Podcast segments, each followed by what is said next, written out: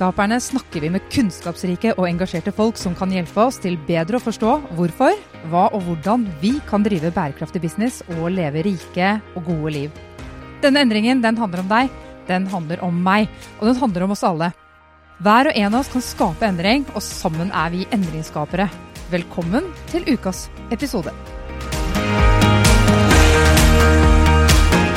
I sommerspesial tar vi en uhøytidelig hageprat med folk vi mener vi har noe å lære av, og som vil gi oss inspirasjon og innsikt. Tonen er uformell, og latteren sitter løst. Og vi håper sommerspesial er noe du kan kose deg med på stranda, og som gjør at du ser verden gjennom litt andre solbriller. WeMe er en sosial entreprenør. Et selskap som skal inspirere og hjelpe bedrifter og deres ansatte til å ta bedre vare på planeten vår, samtidig som vi tar bedre vare på oss selv. Med i studio er Wemis gründere Rune Kroken, Hei, hei. Jan Strøm Hei. og jeg er Linda Krogh Ødegård.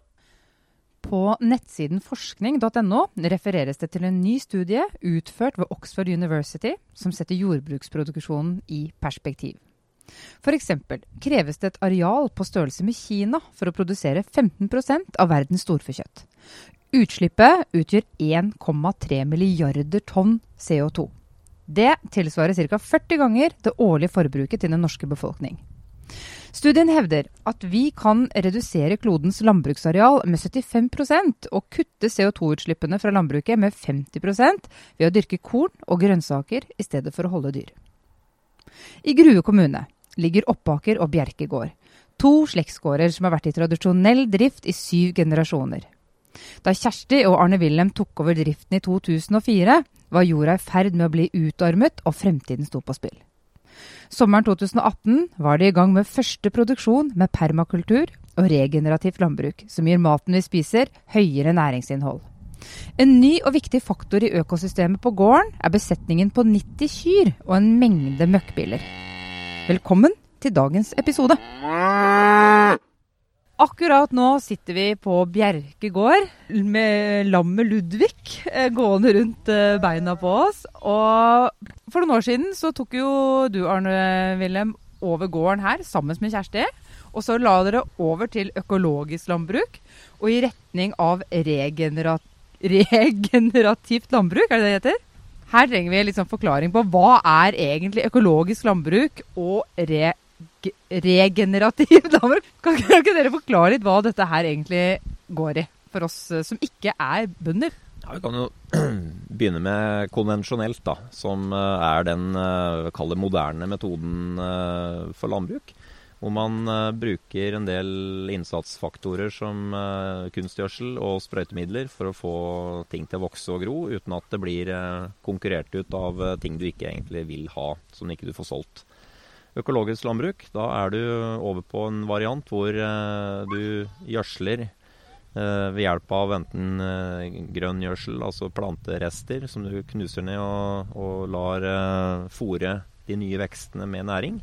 Eller at du bruker husdyrgjødsel. Og du bruker ikke kjemisk plantevern, sånn som insektmidler, soppmidler eller ugrasmidler.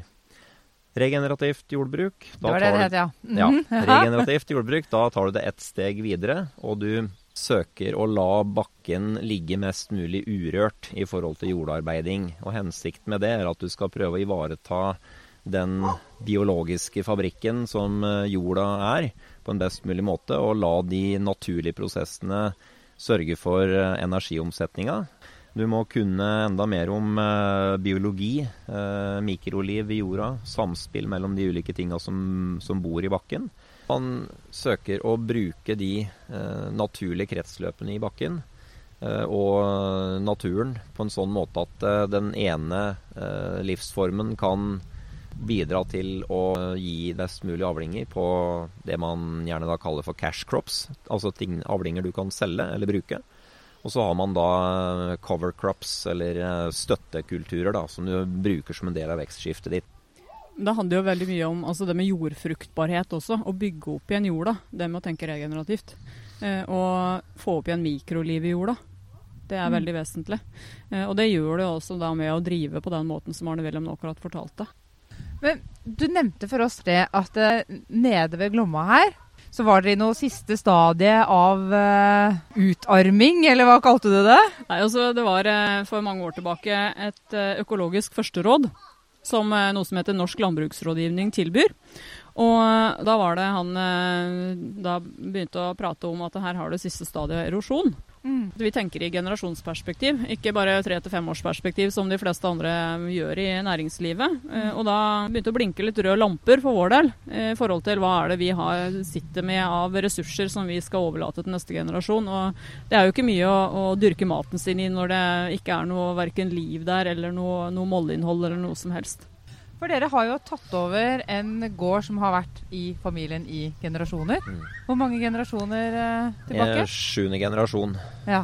ja. Litt dumt spørsmål, men, men, tilbake til den jorda som da altså var siste stadiet. Eh, på grunn av hva? Altså for det, rett og slett bare hva, hva er det som egentlig skjer? Ja, Godt spørsmål. Eh, det har jo vært eh, altså Den norske landbruksmodellen så har man drevet veldig ensidig med altså monokulturer, eh, og dyrka veldig mye av det samme år etter år. Eh, og samtidig også da i kombinasjon med, med både sprøytemidler og, og, kunstgjødsel, eh, så bygger det ned jordlivet hele tida.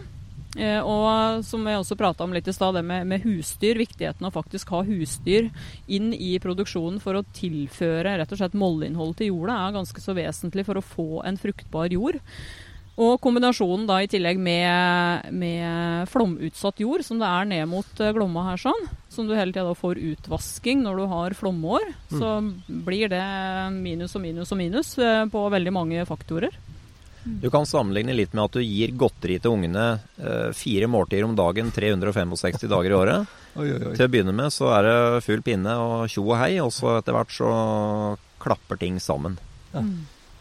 Og Forklaringa litt mer teknisk er jo at du, du tilfører jorda en del eh, raskt omsettelige næringsstoffer som gjør at du kobler ut de naturlige prosessene.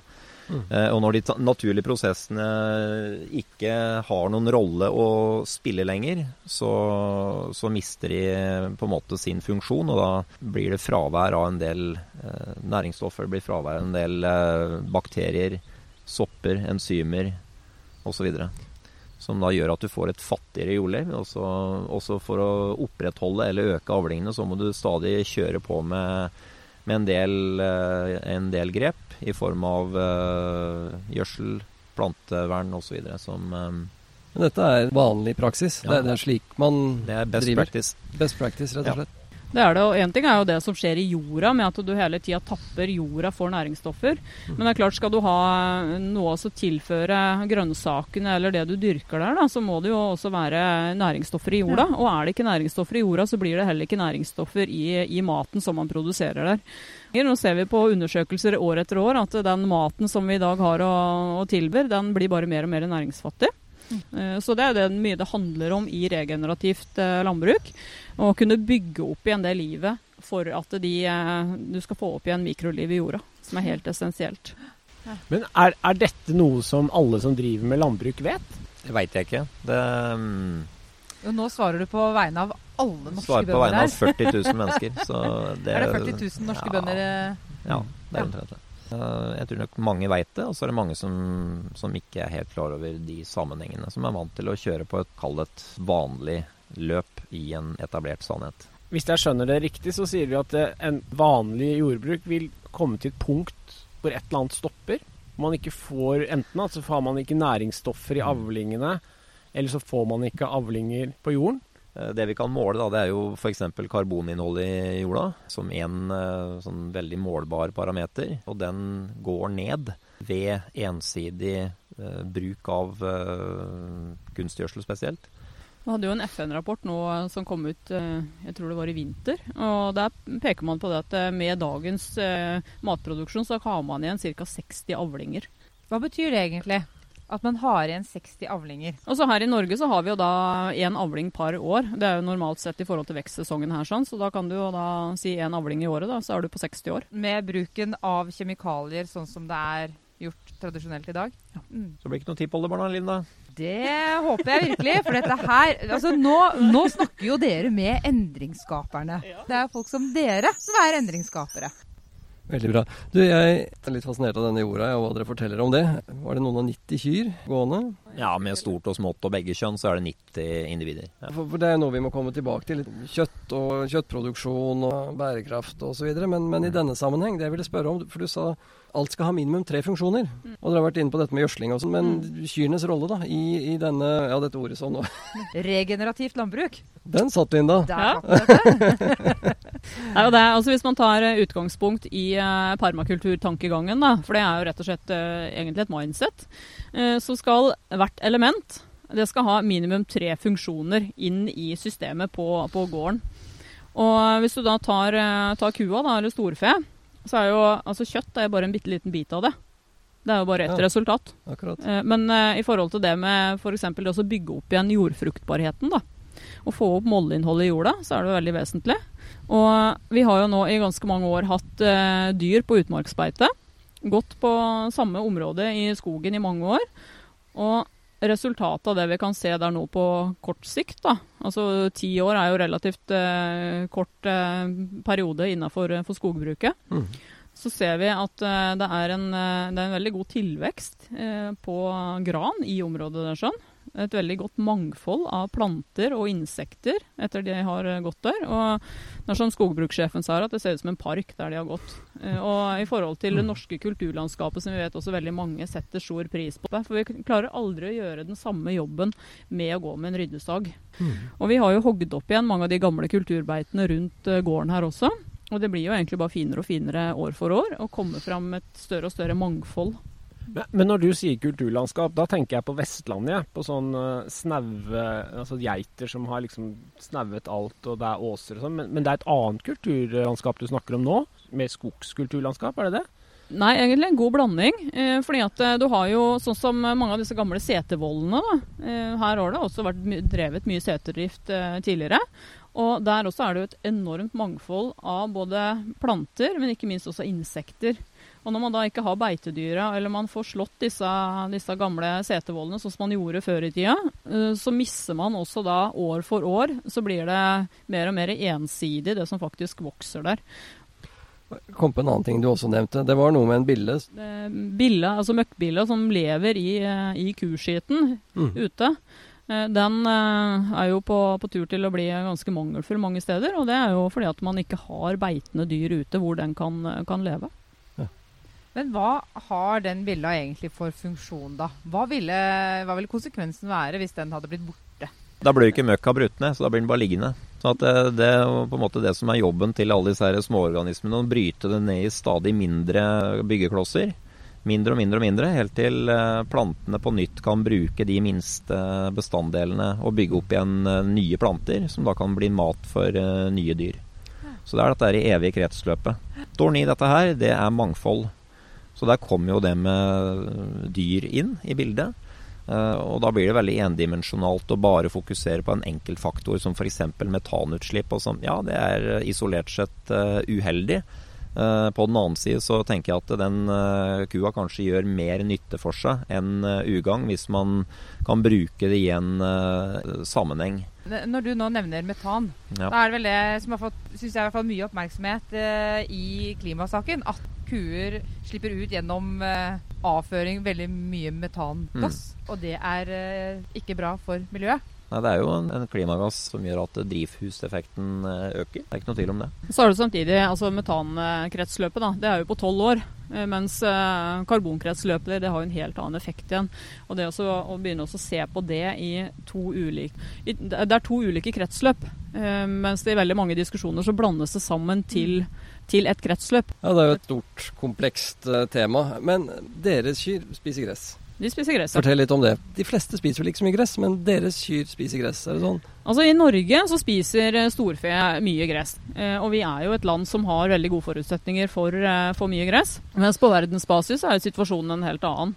Men de fleste i Norge også bruker jo større eller mindre deler av kraftfôr inn i produksjonen sin. Og det er jo mye fordi at alt skal gå så forbaska fort til enhver tid. Vi har ikke tid til å vente på at disse dyra får utvikle seg på en naturlig måte. Sånn som eh, vi har valgt å gjøre da eh, gjennom å bare fôre dem med gress. Du nevnte jo at det hadde noe Eller det påvirket også utslippene fra dem. Altså hva de, hva de faktisk spiser.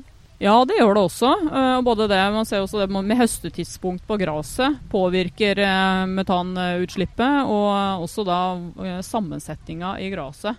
så det handler jo om å ta grep for å kunne optimalisere til enhver tid. Mm. Fascinerende. For nå er det stort fokus på å spise mer plantebasert kosthold. Hva tenker dere om det? Jeg tenker at det er positivt at vi får i oss mer, mer plantebasert kost. Eh, og så er det også noe med å se på hva er det den plantebaserte kosten inneholder. Eh, for det er, eh, hvis du begynner å se litt i butikken, så har du en veldig liten prosentandel av det som faktisk finnes der, som er rein mat. Og det tenker jeg også er vel så relevant som bare å skulle se om det er plantebasert eller om det er noe, om det er noe kjøttinnhold i det. Og hvis man da begynner å se på det som er plantebasert, da, så tenker jeg hvorfor tar man ikke inn mer av det, de gamle ville vekstene som man brukte i mye større grad tidligere? For det er også en, det er en liten del av diskusjonen. Mm. Men det vil også gi oss et mye, mye større mangfold i kosten, som er mye mer riktig for oss, istedenfor å skulle importere soyabønner som er produsert på andre sida av jorda. Mm. Så hva tenker du er de gamle vekstene, da? Det kan eh, være alt fra det vi smakte på her i stad, med, med granskudd. Eh, mm. Brennesle spiste man jo veldig mye før i tida. Mellestokk. Man brukte jo det før man begynte å spise spinat. Mellestokk? Mellestokk, ja. Jeg har aldri hørt om engang. Nei, det er jo en plante som man uh, bruker veldig mye sprøytemidler på å bli kvitt i landbruket, fordi at uh, det ses på som et ugress. Men mellestokken er jo mye mer næringsrik enn den spinaten her som vi spiser i dag. Og det er liksom ett eksempel. Uh, løvetann er en annen morsom plante. Kom til Norge som matplante. Hele planta er fullt spiselig. I dag så bruker man utrolig mye tid på å irritere seg over disse gule blomstene i plenen. Eh, men det er litt av det som har funksjonen til løvetannen. Da. Den har en eh, ganske lang rot, eh, altså en såkalt pålerot. Og litt av funksjonen dens er jo å bringe næring fra de dypere laga i jorda og opp til det som har kortere røtter og vokser i de øvre jordlaga. Og det, det gjør den jo, for disse plenene våre er jo stort sett ganske næringsfattige. Og Det er liksom et eksempel på en plante som er både nyttig og næringsrik og også veldig smakfull. Så i stedet for å drive oss og servere f.eks. kapers, da, så kan du bruke da løvetannknopper og smørsteke de til fisken. Akkurat. Tips. Og, mens i stedet så bruker jeg jo da mye tid på å fjerne løvetann. Bortkasta arbeid. Ja.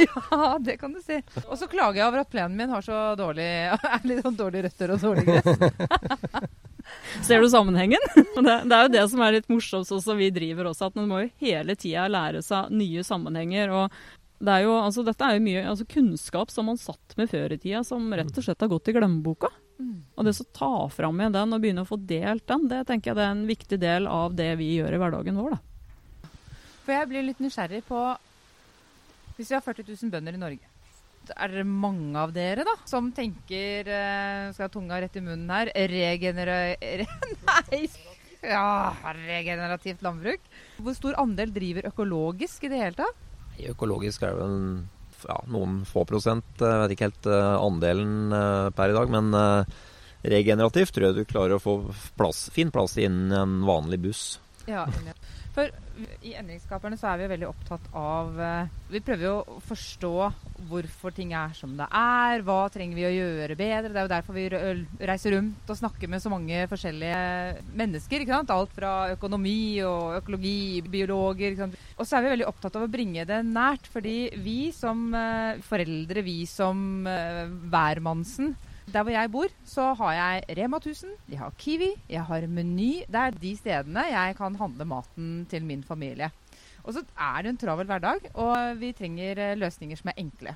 Og så har vi jo fått med oss at du skal handle nært og lokalt og ren mat. Og du skal støtte den norske bonden. Men når jeg velger Gilde, så tenker jeg at jeg gjør et bedre valg enn hvis jeg kjøper noe fra en utenlandsk eh, bonde. Eller jeg kjøper norske gulrøtter. Eller jeg kjøper, Og det er i de fleste butikkene så er det ganske lite økologisk utvalg. Og det å kjøpe vilt eller lokalt er nesten umulig å finne. Og det gjør det jo vanskelig, rett og slett. Eh, noe som har blomstra opp veldig nå eh, det siste året spesielt, eh, det er jo Reko-ringene. Mm. Og det tenker jeg er en kjempefin anledning til å kunne både handle lokalt, ha ordentlig god sporbarhet, og ikke minst også støtte den, eh, den lokale bonden som faktisk har, har produsert dette her. sånn. Og der tror jeg du får både mer og mer utvalg. Eh, du får eh, eh, varer som er mye ferskere enn det du får i butikken. Du har mye bedre kontroll på hva du faktisk får i deg. Og ikke minst også kunne være med oss og, påvirke hva er det den her bonden produserer for noe. Fordi at da kan du komme med direkte innspill. Ja. Så det er bonden mottakelig for? Veldig mange er det, ja. ja. ja. Og det er klart at eh, jeg tror det er flere og flere som ser muligheten ved Reko-ringen også, av, eh, av produsentene. Mm. For det er jo sånn at eh, det i Altså hvis du tar, tar verdikjeden fra, fra, produsent og ut i butikk, så er det jo sånn at du ser hvem som sitter igjen med marginene her. Og jeg tenker skal du kunne være med å utvikle norske landbruket, Eh, så er det med, med rekoring og direkte kontakt med produsentene en veldig god måte å kunne, kunne, formidle verdiene dine på, og ønskene dine. Når vi støtter da den norske bonden ved å kjøpe grønnsaker og sånn fra norske leverandører, og så sier du at det er um, 60 sesonger igjen, og at uh, mesteparten driver konvensjonelt. Hvor rike er de gulrøttene jeg kjøper da fra en norsk bonde som, driver, som bedriver konvensjonelt? Hvor, hvor, næringsrike er de? Og nå sier jeg ikke dette for å kaste den norske bonden under bussen, det er ikke det jeg er ute etter. Jeg prøver bare å forstå, egentlig. Eh, jeg, jeg vet vel ikke om det er gjort noen noe målinger nå de siste åra på norske grønnsaker og næringsinnhold, men jeg vet det er gjort eh, siste studien som jeg leste, de har gjort i Australia. Og kan du velge norsk, så tror jeg du har eh, langt bedre forutsetninger eh, for å få noe som er eh, næringsrikt, enn ved å kjøpe import. For det er også, Norge er relativt restriktivt i forhold til hva du har lov til å bruke av plantevernmidler. Og, og jeg vil si at den norske produksjonen foregår i mye større grad på lag med naturen enn det det gjør mange andre steder i verden. Jeg har et spørsmål videre til disse 60 sesongene. Så har det i hvert fall slått meg at vi kommer til å oppleve resultatet Altså at resultatene må komme i vår generasjon. Kjenner dere det samme? Altså Kjenner dere at det, det er 60 avlinger igjen, sier ekspertene? Da må det jo skje noe i vår tid, som er ganske dramatisk. Ja, vi ser jo det, at det blir mer og mer ekstremforhold å jobbe under. Eh, det kommer eh, ofte lengre tørkeperioder. Når regnet kommer, så kommer det ofte mer ekstremt. eh, Sammenlignet med ja, når vi en gang var små, så var det mer jevnt fordelt. Skal dette her fortsette å utvikle seg, så tenker jeg det, det kommer ikke til å bli spesielt enkelt for de barna vi har satt til verden. Og jeg tenker Vi må også ta grep år for år med det vi faktisk kan bidra med. Jeg tenker at Vi kommer jo til å våkne i denne generasjonen. Altså Det er mye frustrasjon, men men vi kommer jo til å våkne nå. Det tror jeg, for det er vi nødt til. Hvordan, hvordan kjenner dere det? Altså, kjenner dere at dere jobber i medvind? Motvinds? Egentlig litt alt det du nevner nå, syns jeg. Altså, det er litt uh, hvilke perspektiver du ser det fra. Jeg tenker at sånn, i det store og det hele så har vi noen utfordringer som vi trenger å løse. Men uh, det er jo det som er fint med, med menneskeheten, at man er relativt god til å fikse utfordringer som ligger der. Mm. Og så må man bare prioritere det som mm. er viktigst til enhver tid. Ja, Om det er 50 eller 60 eller 70 eller hvilket tall man skal bruke. og litt, Det er veldig mange faktorer som påvirker dette her. Men jeg tror det, det viktige er at man begynner å venne seg til tanken på at det er allerede blitt mer krevende sesonger. Det er eh, behov for eh, mer robusthet i, eh, i, de produksjonene vi driver. Det hjelper ikke så veldig mye om man har eh, sorter som i et laboratorium kanskje gir 3000 kilo med veite, hvis den avlinga blir liggende paddeflat eller tørker inn. Da tror jeg man er mer tjent med planter som er mer robuste, som tåler både tørke eller eh, mye intenst regn, og likevel klarer å gi en viss eh, fornuftig avling. Ja, Det har vi jo sett nå etter at vi begynte med disse gamle kornsorta også, ja. Eh, med urkorn. At de klarer seg veldig godt. Eh, om det er tørt eller om det er eh, godt med fuktighet, så klarer de seg. Og de har jo fått utvikla seg naturlig gjennom tusenvis av år, og vi ser veldig godt gevinsten av det. Ja, for må jeg da igjen snakke fra mitt forbrukerperspektiv her. Jeg hørte en ernæringsspesialist en gang sa at melet som jeg nå kjøper i butikken, Eh, altså, Før i tiden kunne man oppleve å få eh, smådyr og midd i melet. Men at det får du ikke lenger, fordi melet, hvis du kjøper hvetemel i butikken, så inneholder det så lite næringsstoffer at midden ikke er interessert i å gå dit for å finne Det er ikke næring der. Det syns jeg var egentlig ganske guffent. Når ikke engang midden vil ha maten, og så er det det jeg liksom lager mat til mine barn. Funker i Grendis, da. ja, ikke sant? Men det er jo samme med de, mye av de Altså si importert frukt, da. Når ikke engang bakteriene vil angripe det, så tenker jeg ok, og dette sitter vi og putter i oss. Hva gjør det med mikrobiomet vårt? Hva er mikrobiom? Det er bakteriekulturen som du har i tarmsystemet ditt. Ja, akkurat. Og det er jo, som man ser nå, at uh, der er det stor utfordring med mangfoldet i uh, mikrobiomet. Uh, og samme har vi i jorda. Så det er på en måte to paralleller som har veldig stor grad av likhet. Da. Men, tilbake til det med korn. Eh, det er en av grunnene til at, eh, at vi også gjorde eh, de omleggingene som, som vi har gjort. Da. Det var jo, Vi begynte å se at det var flere og flere. De ble jo bare dårligere og dårligere av den, det kornet som ble produsert. Og med gjestene våre så, så ser vi at det er veldig mange som ikke kan spise hvetebaserte produkter. Og reagerer på glutenet. Og da var da vi fikk innblikk i det med urkorn og hva det faktisk var for noe. Og stort sett alt som, som vi serverer er jo basert da på urkorn. Eh, hvor man da bruker surdeig som base istedenfor å bruke gjær. Og Det både tilgjengeliggjør næringsstoffene på en helt annen måte, og, og det gjør også at du har starta nedbrytningsprosessen av kornet lenge før du får det inn i kroppen.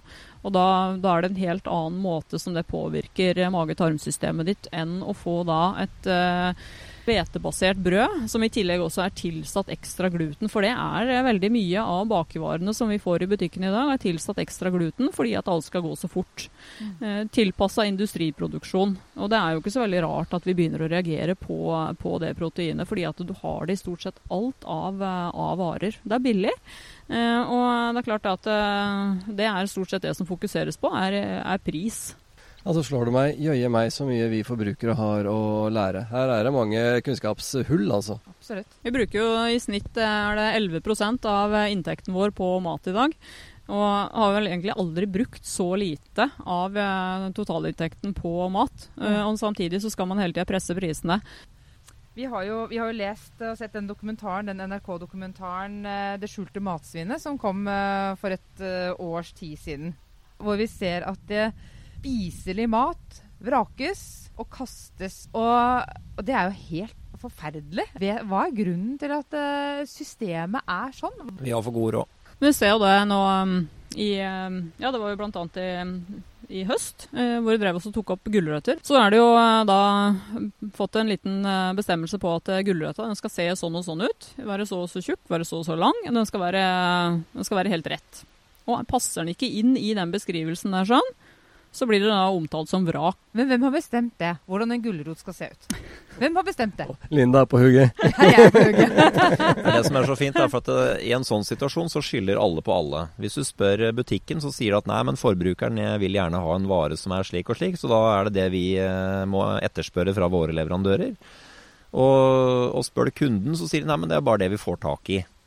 Og så er det høne og egget herfra til evigheten. Og da kan man jo lure på hva er egentlig hva er den bakenforliggende grunnen til dette her. Og det fins det helt sikkert mange forskjellige hypoteser på, men uh, uansett så tror jeg at du finner nok mye av forklaringa i at vi har så god råd at vi kan uh, tillate oss å gjøre sånne valg. Hva, hva, hva tenker dere om dette, Jan og Rune? Er det noen som har spurt dere om hvordan den gulrøtta skal se ut? Nei, og igjen, jeg, jeg tenker uh, mangel på kunnskap. Mangel på bevissthet. Vi ser ikke lenger enn den prislappen vi står og ser på i butikken. Tenker ikke lenger over. Altså, vi, vi får tak i det vi vil ha, mm. og er fornøyd med det. Tenker ikke uh, hvordan det kom seg eller ble til at, at vi faktisk ja, er så privilegerte at vi kan få tak i det vi vil. Mm. Jeg må jo si at jeg, jeg vet ikke om jeg blir så overrasket, jeg. Ja. Jeg tenker at den gulroten skal være rett fordi det er praktisk å pakke rette gulrøtter. Og da får du 600 gram eh, gulrøtter inn i en plastboks som det passer. Og, ja, jeg tror det er uh, distribusjonen og, som setter disse rammene. Eh, fordi at det er praktisk, og, og det blir oppfattet som effektivt. da. Og da er det jo fordi at det er en industriprosess som, eh, som skal eh, få den gulroten fra bakken og fram til tallerkenen til uh, forbrukeren. Ja. Så det er klart det er mange sånne hensyn også som, uh, som gjør at det blir mer strømlinjeforma prosess og en, en uh, enklere logistikk, da, hvis du kan gjøre ting industrielt. Ja. Men baksida av den medaljen der er jo svinn, da. Og det er der vi ser at en eh, krokete gulrot den er jo akkurat like god og næringsrik som en, eh, en rett uh, gulrot. Ja, det er bare at da, da, blir vi nødt til å produsere relativt mye mer enn det vi egentlig trenger for å dekke behovet. Mm. Men det koster jo akkurat det samme å produsere ei krokete gulrot som å produsere ei rett gulrot. Og det, det, vet du ikke når du produserer, om den blir krokete, om den får ett bein eller to bein eller kanskje fem bein. Men denne, når jeg i hvert fall leste den dokumentaren om det skjulte matsvinnet, og alt det matsvinnet som, egentlig, som, heller ikke blir rapportert som matsvinn. Det bare forsvinner som en mengde før det blir registrert. Men hva, hva, hvordan snakker det, bøndene seg imellom om det matsvinnet? Hva, hvilken påvirkningskraft har dere? Eh, har dere noen? Det er veldig, veldig, avhengig av hvordan du leverer. Hvis du, hvis du har en kontrakt med et, uh, en aktør som uh, kjøper etter en viss spesifikasjon, så må du ta til takke med, med, den, sort, med de sorteringsreglene som gjelder til enhver tid. Og så kan du være heldig med året, du kan være uheldig med året. du være, ja, er, du, er, det et år hvor det er ja, dårlige avlinger, så vil man uh, ofte lempe litt på kravene til uh, utseende osv. osv. Men er det i et bra år hvor det er gode avlinger, så, så, merker man at da stiger også kravene til ja, hvordan overflaten på poteta ser ut osv. Og så kan du risikere at du får kalle ja, f.eks. halve avlinga di vraka fordi at det er ja, sølvskurv, da, som er en, egentlig en helt ubetydelig skjønnhetsfeil, men som kan velte økonomien din uh, med to streker under svaret. Og det er jo um, Det er klart folk prater om det. Sånn, dette er jo ikke unikt for landbruket. Sånn er det jo i klesindustrien, sånn er det i elektronikk overalt. Sånn som de olabuksene du har på deg. Regner med at de ikke er sydd på Hokksund. Uh, jeg går ut ifra at sans sannsynligheten for at det er ei 17 år gammel jente i Bangladesh som har uh, sydd de, er ganske stor, eller tilsvarende. og hun kjører neppe Rolls-Royce heller. Sånn at når F.eks. å bruke klær da, som et eksempel syns jeg er ganske relevant. For det er et en bransje hvor du ikke ser varen før den ligger i hylla i butikken. og Så går du dit og kjøper, og så er du mest opptatt av om de passer, om det er riktig farge, størrelse osv. Man er kanskje mer opptatt av det enn hva som ligger bak. Og det blir egentlig det samme for veldig veldig mange ulike bransjer. så vi er ikke, er, altså Matbransjen er ikke unik på noen som helst måte. Men uh, det er sånn vi dessverre ser at uh, i en, uh, en vestlig kultur, hvor vi liker å tenke at vi har kommet veldig langt, så er også noe av baksida der med den kulturen at vi fjerner oss ifra opprinnelsen til alt det vi er avhengig av i livet vårt. Mm. Og da, da Altså, vi blir veldig frakobla prosessene og, og, de ressursene vi er avhengig av. Jeg nå skal forsøke å dra noe av dette sammen. Kjør på. Ja, dette gleder jeg meg til. Nå er vi spent. Altså, ja, det er jeg òg. Så hvis vi vel, alle velger norsk, og gjerne kortreist og lokalt og rent, enten norsk på butikken eller at vi blir med i en lokal Reko-ring, så har vi både muligheten til å støtte opp om den mer lokale bonden, ha påvirkningskraft i hva bonden produserer. Og det er bedre for oss og bedre for tarmen. Hvis vi velger urkorn, en eller annen type urkornsort i stedet for hvetemel, og det å ikke legge bort kjøttet helt, men å velge gressfòret kjøtt, så vil vi bidra til å opprettholde biologisk mangfold i jorda. Ja.